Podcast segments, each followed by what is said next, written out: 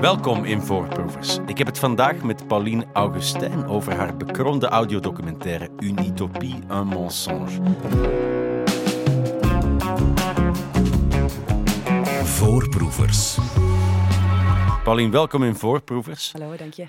Een mensonge, dat is een leugen, dat, dat weten we allemaal. Maar een utopie, dat is voor iedereen toch iets anders. Voor sommige mensen is het een wazige roze droom. Voor anderen de moeite om voor te sterven.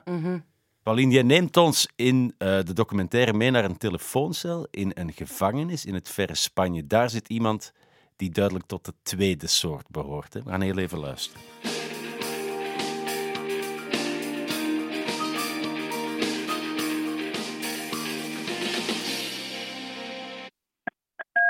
Ja. Ah, très bien.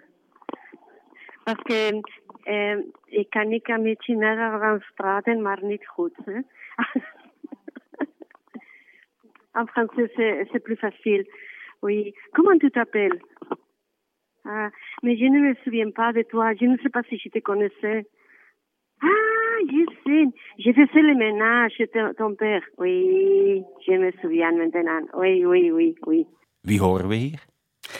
Dat is eh Gaione, ehm, een vrouw die ik eh, ken van vroeger, toen ik klein was. En die eh, in 2020, dus dat is bijna drie jaar geleden, in november eh, in haar huis gearresteerd is en naar Spanje is overgebracht. ehm, omdat ze ervan verdacht wordt een, een, een moord te hebben gepleegd op een kolonel in 1981. Oké, dat is direct heel veel. Ja.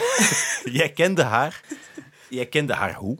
Eh, ik kende haar via mijn vader eigenlijk. Zij, was, eh, zij kwam koken op feestjes. Zij is een mega kokin. Eh Baskische eten is ook heel lekker. Maar dus zij heeft nog altijd, denk ik, Ja. een naam van een mega kokin te zijn en een heel flamboyant persoon. En op, mel- op welk moment hoorde jij dat zij inderdaad, ge- geloof ik, aan haar keukentafel gearresteerd is? Hè? Want ze zat gewoon thuis Ja, en ineens valt er een soort eh, squad binnen. ja dat is echt... Allee, hoe dat die vriendinnen die bij haar waren, mij dat hebben verteld, moet je echt inbeelden dat er opeens gewoon zes mannen binnenstormen en de tafel waar dat ze aan zitten omsingelen, mes dat op de tafel ligt, weg. Ehm, en dan wordt ze meteen meegenomen. Maar ze wist dat natuurlijk wel. Ze wist Het hing boven haar hoofd. hè? Exact, zo het zwaard van Damocles, Ja. dat effectief. Ehm, ik zelf heb het vernomen via de krant en ik verschoot van. Oh, ik wist niets over haar verleden. Ehm, Hoe lang geleden was het dat je haar gezien had op dat ogenblik? ja, echt lang hoor. Ik denk zeker tien jaar. Ja. Dus het zat, ik- dat het echt zo ver zit en opeens wordt dat, die passieve eh, herinnering Mhm. terug geactiveerd. En dat is natuurlijk wel, het is een heel speciale activatie wel. Hè? Allee, Ja. Als het over zo'n feiten gaan. Of En zeker als je het helemaal niet met iemand associeert. Want iemand die heel lekker kan koken, ja, dat is toch een heel andere associatie dan iemand die mensen vermoordt. Voor de goede zaak. Ja, goh, ja, mensenvermoord, dat is wel dat is heftig. Het is eerder, ik, ik zie haar eerder als een, als een, een ETA-militante, met alles wat dat daarbij hoort of niet bij hoort, waar dat we ook niet weten, wat dat er geen bewijzen voor zijn. Eh, maar het dat klopt inderdaad, dat is, ook een soort, dat is ook een trigger geweest om iets te maken over haar, omdat zij, ook als je haar hoort in de audiodocumentaire, heel vrolijk is.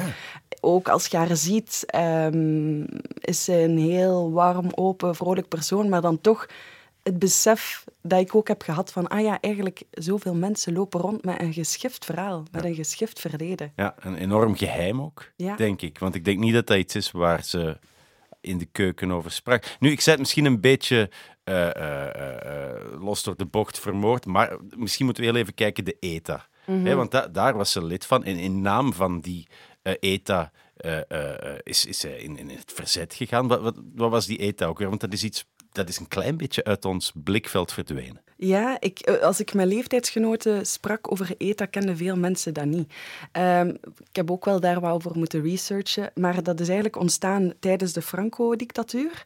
Ehm, zijn er eh, jongeren die ja, ergens ook natuurlijk wel lid waren van die Baskisch-nationalistische partij, zijn samengekomen en hebben gezegd van we willen meer opkomen tegen dat regime. Ja. Dat was een eigenlijk studenticoze acties dat die deden. Dus Maar goed, het ging over het regime. Hè. Ze wilden Franco eh, ten val brengen, maar het ging heel specifiek over hun streek, die inderdaad door Franco niet bepaald gunstig behandeld werd. Maar het ging heel erg over Baskeland. Ja, Dat is een stuk Spanje, maar ook een stuk Zuid-Frankrijk. ja. Een stuk dat toch heel anders is dan de omliggende contraien of zo. hè? Absoluut. Deze zomer was ik er weer op reis. eh, hebben we gefietst door Baskeland en opeens waren we niet meer in Baskeland. En we wisten dat niet actief, maar we voelden dat van, hè, dat is hier anders. Oké, probeer, eens- probeer eens het Baskische gevoel te omschrijven, want daar gaat het over. Hè? Ja, absoluut. En dat heb ik ook proberen schetsen in mijn audiodocumentaire. Al eerst het landschap is heel heuvelachtig, groen, water, heel, heel belangrijk. En het is interessant om dat te benadrukken, die, vooral die bergen, want dat is ook deels waarom dat die Baskische taal zo goed is bewaard gebleven. Als ik u even mag meenemen naar de derde eeuw voor Christus. Tuurlijk. Toen eh, was er de romanisering van het Iberische schiereiland.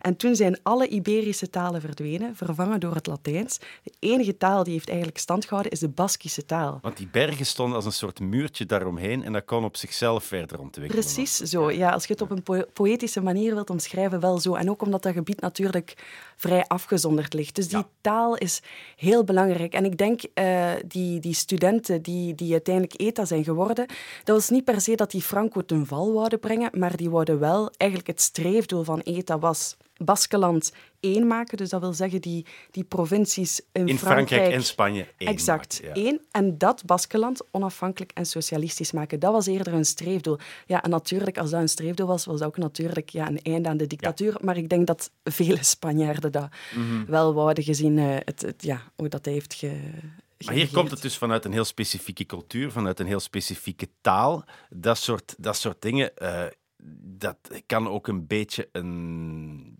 negatieve bijklank krijgen. Dan heb ik het over, het, het, het benadrukken van etnische zuiverheden, een soort bloed- en romantiek. Ja, absoluut. Ja, ja, en ik heb daar zelf eh, tijdens mijn onderzoek over ETA wel mee gestruggeld dat ik daar opeens op botste. Ah, dat ontstaan echt eh, eind eh 19e eeuw, dus zitten we dan van dat Baskisch nationalisme, is echt inderdaad gebaseerd op etnische zuiverheid en die Baskische taal. En ik heb dat ook gehoord, ook in de audiodocumentaire, dat ik dat vraag aan die geschiedkundige van, moet je dat erbij vertellen? En hij zo, natuurlijk, dat is het ontstaan. Ja. Maar dan evolueert dat verder. En ik denk, ehm, een andere historica heeft mij verteld, eigenlijk dat Baskisch nationalisme moet je ook kaderen binnen het Spaans nationalisme, Ja. Dat ook heel erg ehm, geënt was op etnische zuiverheid, Ja. op het christendom. Dus het is misschien ook, dat vind ik interessant, in alles eigenlijk, om te bekijken, het is, het is ook iets van zijn tijd. En het is interessant ook om te zien dat die etnische zuiverheid, dat uiteindelijk ETA dan een heel links, marxistisch-leninistische organisatie is geworden, die hun gedachtegoed zijn gaan halen bij, in Zuid-Amerika. Che Guevara en, en Exact. die figuren. Ja, ja, ja. Wat dat dan wel, en dat vond ik dan ook weer een eye-opener, die Rudy, Rudy Dooms, de politicoloog die ook in de audiodocumentaire zit, die zegt van ja, de, de Basken ETA zijn wel heel erg gericht op hun eigen ja, nationalistisch, dus niets van Spanje, niets van buitenaf, maar ze gaan wel een gedachtegoed vanuit eh, Zuid-Amerika gaan halen. Ja. Dat vond ik wel, ja. En dan, dan alles heeft zo'n bepaalde invalshoek. En, Ja, je vraagt je af van inderdaad, eh, eh, eh, die eigenheid is, is natuurlijk heel belangrijk, maar dat wordt des te voelbaarder wanneer je door het regime verboden wordt om je eigen taal te spreken of te onderwijzen. En, en het is ook vanuit die frustratie dat Gaione en haar familie dat beginnen aanvoelen. Hè? Ja, en ik denk gewoon alle Basken. Ik denk, ehm, ja, als je, ik weet niet hoe dat is. Ik heb het geluk om nog nooit niet onderdrukt geweest te zijn voor- door mijn eigen overheid. Maar ik denk als, dat, als het inderdaad in je identiteit zo getroffen wordt. mm, ja, ik, ik vind het moeilijk. Dan, dan, dan ga je misschien anders gaan denken. En dan, Komt het heel dichtbij. Want, Ja. want je taal is, is zo'n belangrijk deel van wie je Zeker. bent. En het is niet enkel taal. Ik bedoel, ze mochten hun eh, vlag niet hijsen. Ze mochten niet over politiek praten. Ze werden afgeluisterd. Ik denk dat er een eh, heel gevoel van, van onrust constant daar heerste. Wat was er dan zo bedreigend aan, aan die cultuur, denk je? Ja, omdat ze het, eh, de eenheid van Spanje in, in gevaar brengen. Hè. Dat zie je nu nog altijd heel erg, dat er eh, bepaalde regio's dat helemaal niet willen en dan de centrale overheid dat heel hard wil. Dus eigenlijk bijna als een relatie krampachtig eh, vasthouden, terwijl dat de andere partner dat eigenlijk niet meer wilt. Eindigt meestal niet zo heel goed. Nee, dan denk ik dat je eerst en vooral moet praten. Ja. Ehm, maar dat is dus jammer genoeg niet gebeurd. Zelfs, zelfs een Baskische naam Ja. was verboden. Klopt. Is een Baskische naam. Ja, exact. En eigenlijk, ze is gedoopt als, eh, of geboren als Maria Natividad. Ehm, ja, en daar begint het dan mee. Dat is precies, dat vind ik ook heel fascinerend aan heel het verhaal. Je wordt er bijna in geboren, letterlijk. Want het eerste wat er eigenlijk mee gebeurt, is dat je uw naam niet mocht dragen. De, de, omdat dat een uiting is van het, van het, van het Baskisch. Een Ja. heel, heel fundamenteel ding. Ja, Ja. toch wel. En ja, ik, soms voelt het dan zo alsof... ehm, ik, ik haal al die elementen aan in mijn audiodocumentaire. Niet per se om geweld goed te praten, want ik denk... Allee, oh, ik denk niet, ik ben zeker... ETA heeft, heeft vreselijke dingen gedaan. Dat is ook niet voor niets een terroristische groepering eh, die nu ontbonden is wel. Ja. Maar het is wel... eh, wat ik wel geprobeerd heb, is om dat te begrijpen of om het soort van dat in een kader te plaatsen en daar tijd voor te maken naar te luisteren van hoe komt dat? Hoe Ja. kan dat dat een, een, een jonge vrouw, 18 jaar, daarin verwikkeld raakt? Ehm, en dan, dan denk ik, dan kom je eigenlijk bij het verleden en bij die geschiedenis die je wel moet vertellen en waar dat je wel van verschiet. Mhm. van, wow, is dit, is dit echt? Moet jij je met zo'n dingen bezighouden? Moet jij zo strijden om je eigen taal, om je eigen naam te spreken? Zo'n dingen. Dat kun je je bijna niet voorstellen, denk ik. Wat mij ook raakte aan, aan, aan jouw verhaal eh, was... Er zitten vandaag nog heel veel mensen die eh, verdacht worden van geweld in naam van de ETA in de gevangenis. Mhm. En wat mij daar opviel, die gevangenis is niet achter de hoek. Nee, er zitten nu nog 173 gevangenen. Ik heb het nog eens opgezocht.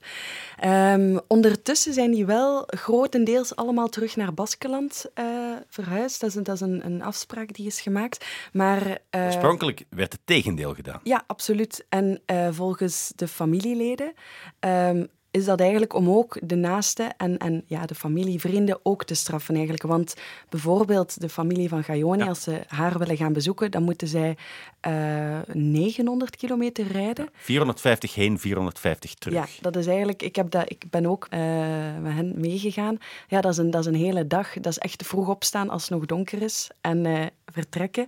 Daar een bezoek van 45 minuten. Soms was dat ook maar 20 minuten. Soms ging het bezoek niet door. Ehm, en dan terugrijden. Hè. En, en het mooie is wel ehm, dat er vroeger bussen ingelegd werden, zodat ze met hele, de hele Het hele dorp. hele dorp inderdaad naar daar konden rijden.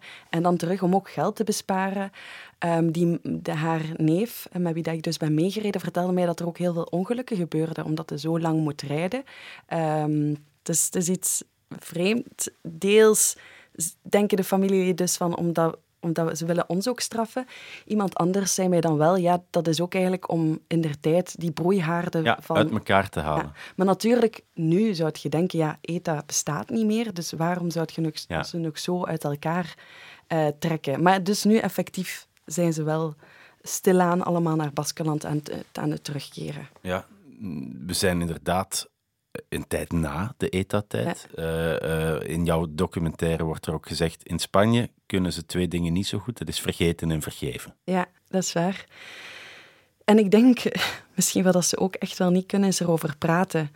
Ehm, er bestaat een heel andere, een, mooie podcast in Spaans en ehm, die heet De eso no se habla. En dat is vertaald, over dit praten we niet. Dus dat is iets algemeen in Spanje, dat er heel veel, een heel groot taboe heerst over tal van onderwerpen.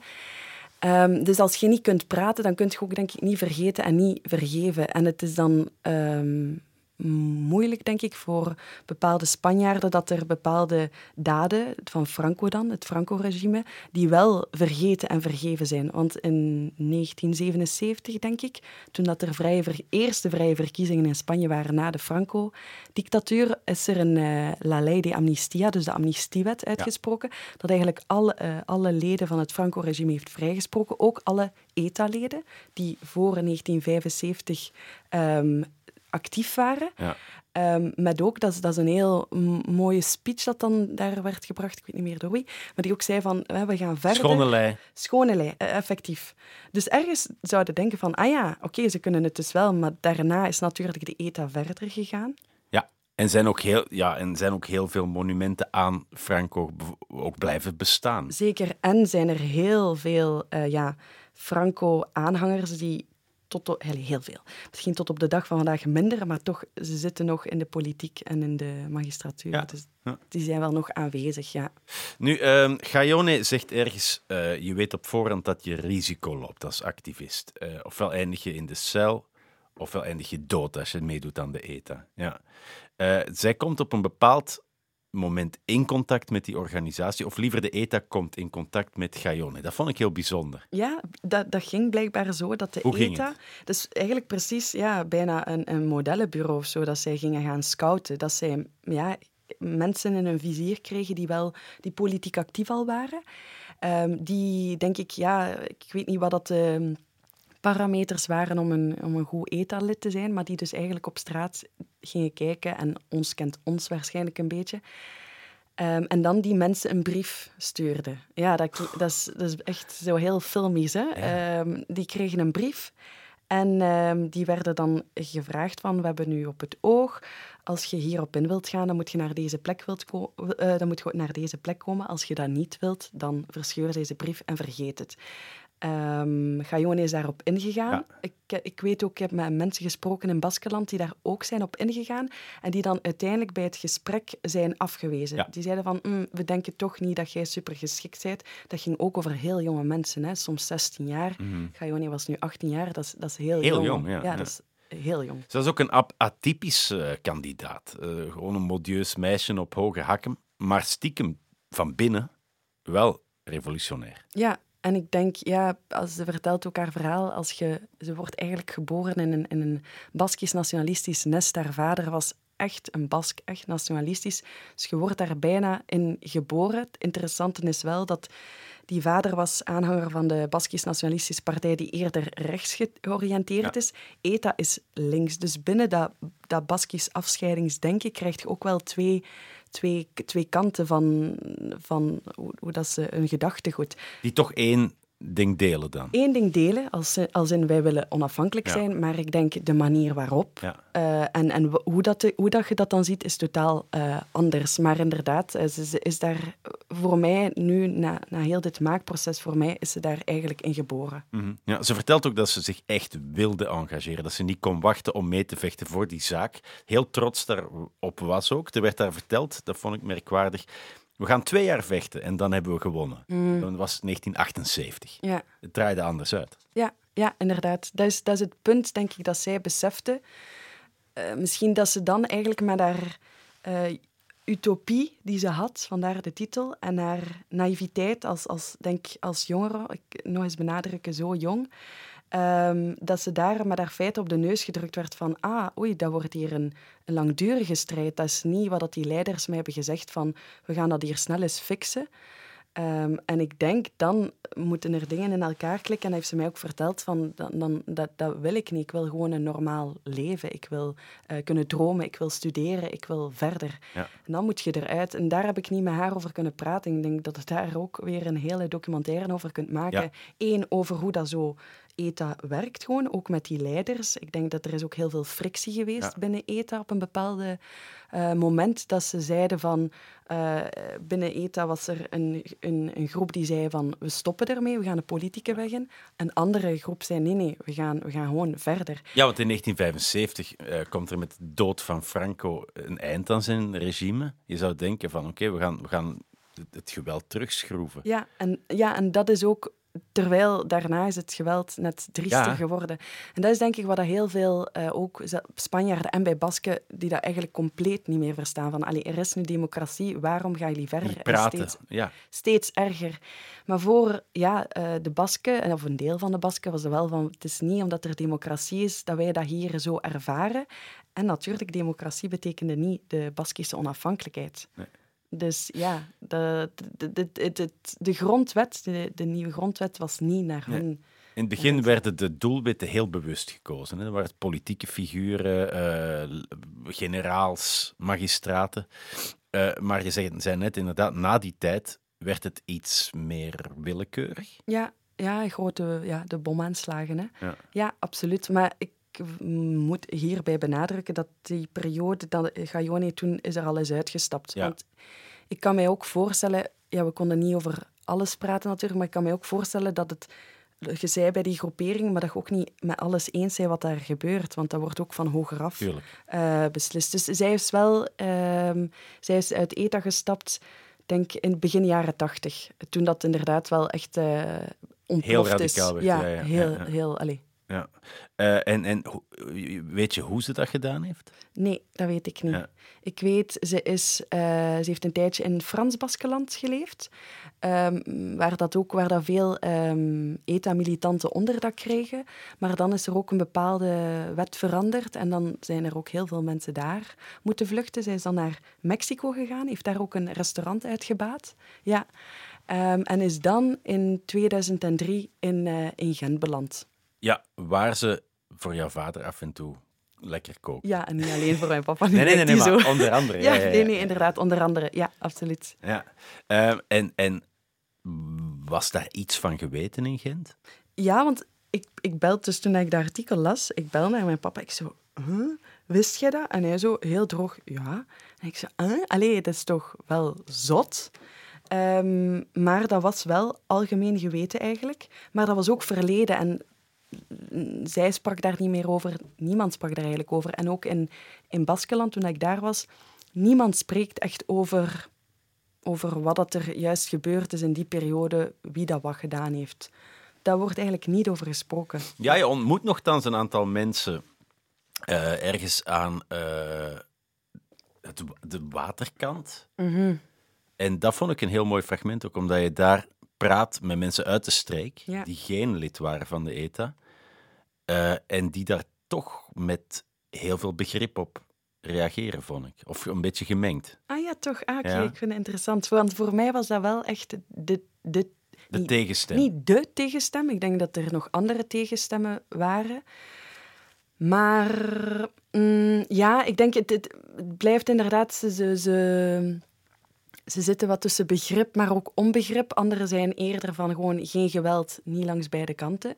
Eh anderen zijn, ik, ik versta het wel. Ik heb Ja. vrienden gehad die ook Ja. bij ETA zaten. En dan was er ook die ene man die zegt van ja, waarom, waarom zijn ze nog, waarom zijn ze niet gestopt na, nadat er democratie was? Dus al die vragen werpen Ja. zij op. Maar inderdaad, ja, ehm, is, het is, er is wel begrip, maar ik denk ook omdat, omdat ze zien, omdat ze ook natuurlijk onder die, die, die dictatuur niet per se hebben meegemaakt, maar wel de verhalen kennen. En dat plaatst misschien alles wel in een ander perspectief. Ja, ja. Zullen we nog even naar Baskeland gaan? Ja, naar graag. Spanje toch, kom. Ja.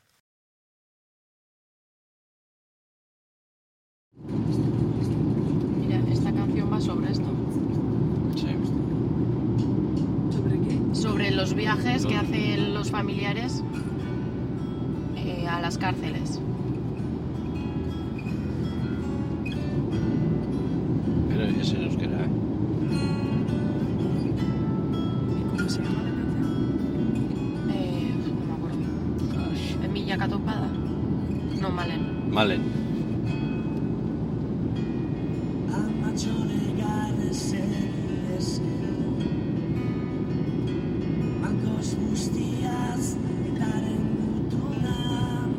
Wat horen we hier? Dat is dus een fragment eh, dat ik in de auto zit, op weg naar eh, Madrid, naar de gevangenis waar Gaione zit. Een lange, lange tocht. Een lange tocht. Ik heb die gelukkig volledig opgenomen, want opeens gebeurt er dus dat. De, de radio staat aan en opeens speelt er een lied dat gaat over, ehm, over de tocht eigenlijk naar de gevangenis van al die familieleden en over het, het bezoek dan en het terugrijden. Dus heel Echt die- metamoment. Ja, ik dacht, halleluja. Ja, die, ne- die heeft zich inderdaad... Nee, maar dit gaat over wat we nu aan het doen zijn. Ja, ja. en ik, eh, eh, die, ehm, de neef die aan het rijden is, die, die, die, zegt, die zegt ook, ah, ik heb kippenvel. Ehm, en ik eigenlijk, ik ook. En ze vertalen het zo mooi, want het is in Baskisch natuurlijk, Ja. dus ik verstond er helemaal niets van. Maar ze vertalen het heel mooi. De tekst is super simpel. Ehm, maar het is inderdaad mega meta. Mega Eh, meta. Oké, dus je bent onderweg naar die gevangenis met die familie. Dat is, dat is al heel beladen, denk ik. En dan kom je daar aan. Wat voor plek is dat, die gevangenis? Dat is echt een, een, een, zo een non-plek. Zo de, ik ben nog niet in Amerika geweest, maar zo die Far West vibe of zo. Hele vlakte, met niets eigenlijk, behalve dan dat gebouw. eh, met prikkeldraad eromheen. Ik ben mee naar binnen gegaan, want eh, de, de familie dacht van, kom, we gaan toch nog eens vragen of dat je niet mee binnen mocht. Maar natuurlijk mocht dat niet, want het is wel streng ehm, beveiligd. Zij moeten ook door een scanner eh, cadeaus die ze mee hebben worden gecheckt. Ja. En ik heb dan buiten gewacht. Ehm, er hingen daar camera's, dus ik dacht, ik ga niets vastnemen van opnamemateriaal. Ik wou ook eh, in heel het maakproces wou ik niet doen dat haar mogelijke vrijlating in gevaar brengt. Want het is wel belangrijk om te zeggen dat ze nog in voorarrest zit. Dus haar, Ze is niet veroordeeld voor haar daad. nee, ze wacht nog op haar proces. Waarom duurt dat zo lang? Dat is een heel goede vraag. Dat weet ik niet. Ja. Ja, dat is in Spanje kun je vier jaar in voorarrest zitten. En dat is natuurlijk een speciale regeling voor alle ETA-militanten of oud-militanten. Ehm, maar dus zij gaat Misschien nog heel even, waar wordt ze van verdacht? Ze wordt verdacht van een eh, moord op een kolonel in 1981. Ja. Dus dat is eh, ja, 40, meer dan 40 jaar geleden. En ehm, eh, de, dus eigenlijk is er nu nog... Ze zit nu al drie jaar, bijna drie jaar in voorarrest. Dus eh, het is te hopen dat, dat ze binnen een jaar voorkomt. Maar hoe dat de zaak nu staat, is dat ze, ze, vinden, ze hebben geen bewijzen. Ja. Want het is 40 jaar geleden. Dus als, als ze het al gedaan heeft, dan vraag ik me af, hoe ga je dat bewijzen? Dus- Heel absurde situatie. ja, maar dat is ook weer een, een tactiek, denk ik, van Spanje om ehm, oud- of oud-ETA-militanten op die manier te straffen. Ze kunnen, ze kunnen het niet meer vinden, dus ze halen oude zaken uit de kast, proberen daar mensen aan te linken en gaan dan aan de hand van die voorarrest, die dus vier jaar kan duren, mensen zo eigenlijk eh, vasthouden ja, en ja, toch, dat ze toch eigenlijk toch een deel van haar leven in de gevangenis eh, doorbrengt. Dat is eigenlijk een tactiek, zo voelt het toch aan. En, Ja. ja. Ze klinkt heel opgewekt. Hè? Als je haar aan de telefoon hebt, kon je je voorstellen dat die opgewekte stem in dat betonnen gebouw in, in, in de woestijn zat? Nee, jawel, toen dat ik... Daarvoor dacht ik daar niet zo over na, maar toen dat ik daar dan was, dacht ik van, ha, dat is toch straf. Hoe dat je zo ergens ja, die, die, die survival-modus kunt aanzetten en ook nog die, die vrolijkheid en haar, haar dromen om, om te koken. Ze is dan zogezegd aan het koken in de gevangenis, maar dat is, is niet echt natuurlijk, dat is in haar dromen. Dus zo die veerkracht, die immense veerkracht. Maar ik vond dat heel confronterend toen ik dat gebouw zag. En dan plaats ik die stem Ja. erin, denk ik wel, wauw. Ik moet zeggen, ehm, ik heb haar wel, denk ik, ehm, op een heel goed moment eh, gehoord of getroffen. Want nu, ja, ik denk als uw situatie steeds uitzichtlozer wordt, dan, dan eh, zakt de moed u wat in uw schoenen. Ja. En dat is ook wel aan te horen. En ze is nu echt in een, in een moment waarin dat ze niet veel meer belt naar familieleden of vrienden en gewoon daar is. Ja. Ze werkt in een winkeltje, ze geeft Spaanse les aan Chinese vrouwen. Ze, ja, Ja, ze, heeft een leven. ze heeft een leven en dat, denk, dat is haar kracht dan wel ergens. Dat, ze, dat is haar leven nu. En de rest houdt ze buiten. En Ja. ik denk dat ze er zo wel op die manier gaat uitkomen. Ook op een manier eh, ja, dat, je, dat je wel nog daarna kunt leven. Mhm. In 2011 eh, breidde de ETA een eind aan, aan een lange strijd. Tussen eh, 1968 en 2010 kwamen 829 mensen om door schietpartijen en bommen van de ETA. De helft daarvan burgers. Mm. Dat, dat, dat is een hoop geweld. In 2018 kwamen er officiële verontschuldigingen vanuit de ETA voor het leed dat berokkend werd. Vond je dat opmerkelijk? De verontschuldigingen of de... Ja, de verontschuldiging. Nee, ik denk dat dat wel op zijn plaats is. Ja. Eh, ik denk dat dat... Ja, het, het zou mij... eh, alleen vanuit mijn standpunt, dat is het minste wat dat je kunt doen. Ehm, het had ook dan, dan eh, denk ik, goed geweest voor de toekomst van Spanje als ehm, ook de Spaanse overheid hier... ehm, want dat staak het vuren in 2011 was eenzijdig. Dus het is niet zoals in Noord-Ierland dat de overheid daar heeft echt m- meegewerkt. Dus dat, is dus dat is anders. Maar ik denk zeker, ja, verontschuldigingen zijn zeker Ja. op zijn plaats. Dat is belangrijk. Eh, dus, dus het minste gewoon wat, dat je, wat je kunt doen. Na, ja, de, de, het, is niet, het gaat niet enkel ook over de doden die, die, die zijn gevallen, maar ook over de angst die, die gezaaid is. Hè. Ja. Ik denk, ehm, ja, als er een, een terroristische groepering actief is en dat er eender moment kan plaatsvinden, een angst dat er gewoon bij de bevolking zaait, is ook een, een immense schade. hè. Ja, Heb je het gevoel dat er bij Gaione ook die spijt heerst? Z- Zeker. Ik denk spijt. ehm, ja, ik denk, wat ik merk vooral is dat ze er eigenlijk gewoon niets meer mee te maken wil hebben. Ze, ze omschrijft zichzelf als een wereldburger. Ehm, ze heeft gewoon zoiets van: het, het interesseert mij allemaal. Ik ben er daar volledig los van. Ja. Ehm, maar spijt, dat is natuurlijk... Ik, ik denk spijt over uw toetreding en alles, dat is, dat is een heel eh, grote vraag. Ehm, dat, dat, dat weet ik niet.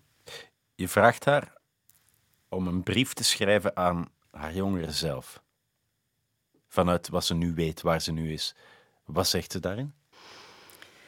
Ze, ze voorspelt eigenlijk, allee, ze, ze zegt van eh, waar dat het op neerkomt, is uh, hou vol, want er is liefde, er zijn vrienden. Ehm, en die gaan, u, ja, die gaan uiteindelijk overblijven. Maar ook, je gaat een moeilijke, een moeilijke periode tegemoet. Periode dat je zelfs gaat wensen dat je niet geboren zou willen zijn. Dus dat is heel heftig. Maar... Ze zegt ook, uh, um, uh, of ze schrijft aan haar 18-jarige zelf, het monster waar je zo tegen gevochten hebt, zal niet verslagen zijn. Nee. Ook hard. Ja, en dat zegt heel veel over hoe dat ze nu nog denkt over, over Spanje. Hè? Ja. Want hoe staat het nu met Baskeland? Baskeland is nog altijd um, geen, geen autonome regio. Um, ze, ze, er zijn wel nog partijen die daar nog altijd voor, voor strijden. Ja, dus je ziet ook van die leuzen nog steeds op de oh, huizen. Ja, volle waar bak. mensen uh, Baskeland onafhankelijk en Spanjaarden eruit en dat soort dingen. Amnestie, ja, ja, ja dat ja. leeft nog heel hard. Maar ik denk nu met de Spaanse verkiezingen um, zie je heel erg dat de grote partijen absoluut daar niets van willen weten. Um, ik weet ook niet of dat, dat de oplossing is. Maar het lijkt mij dat, dat nu wat er nu gebeurt in Spanje, dat ze nog een, een, een moeilijke toekomst tegemoet gaan. Ook met, met extreem rechts, dat daar toch ook wel aan ja. het opkomen is. Dat, dat voorspelt precies niet veel goeds. Nee, maar er wordt voorlopig nog gewoon gepraat. Niet met wapens. Nee, en laten we het, laat het zo houden. Hè? Want ik denk, het is nu wel gebleken dat geweld eigenlijk niets, maar dan ook niets oplost. Heb je jezelf wel eens proberen verplaatsen in de jonge Gaione? Wat als jij opgegroeid was in die tijd, op die plek? Ja, absoluut. Dat was, dat was uh, ook een beetje, of beetje de intentie dat de luisteraar dat misschien ook wel ging doen. Ja, wat als, hè? Ik, ik weet het niet. Uh, ik, want ik, ik ben, een, ik ben een, een pacifist. Ik denk dat geweld niet, niet de oplossing is. Maar ik, langs de andere kant geloof ik wel dat als je in zo'n situatie komt, dat je, dat dan in een, in een soort van spiraal komt, een, een vicieuze cirkel waarin dat je denkt, ah, geweld is de enige, enige mogelijkheid ja. om hieruit te geraken. Um, los van dat, wat dat Gajoni mij allemaal heeft verteld, blijft het nog altijd voor mij heel moeilijk om in te beelden hoe dat, dat echt moet voelen. Um, ik ben er niet geraakt. Um, ik kan ook niet zeggen, zou ik de wapens opgenomen ja. hebben of niet. Ja. Maar ik kan wel ergens het begrijpen dat je zo in het nauw wordt gedreven. En als er niet gepraat wil worden, dat je denkt van, ja, ik moet, ik kan, ik moet dat hier doen. En dat is ook wat Gajoni ja. zegt, van we hadden geen andere keus. Wie het ook wil begrijpen en misschien dicht bij dat gevoel wil komen, uh, kan jouw documentaire beluisteren. Une utopie, un mensonge. Won ondertussen een award op het Third Coast International Audio Festival in Chicago. Waar kunnen mensen hem het best beluisteren? Ja, dat, dat kan eigenlijk enkel en alleen op uh, Vimeo, want de, de, de documentaire is volledig ondertiteld omdat hij in drie talen is. Dus in het Frans, Nederlands, Spaans. Dus als er iemand die drie talen spreekt, helemaal perfect, kunt je het gewoon luisteren met je ogen toe. Maar als dat niet het geval is, dan moet je wel uh, meevolgen met de ondertitels. De audiodocumentaire die ook een filmpje was. Ja. ja. Pauline, enorm bedankt. Dankjewel voor je komst. Dankjewel. Alle andere afleveringen van Voorproevers vind je op VRT Max.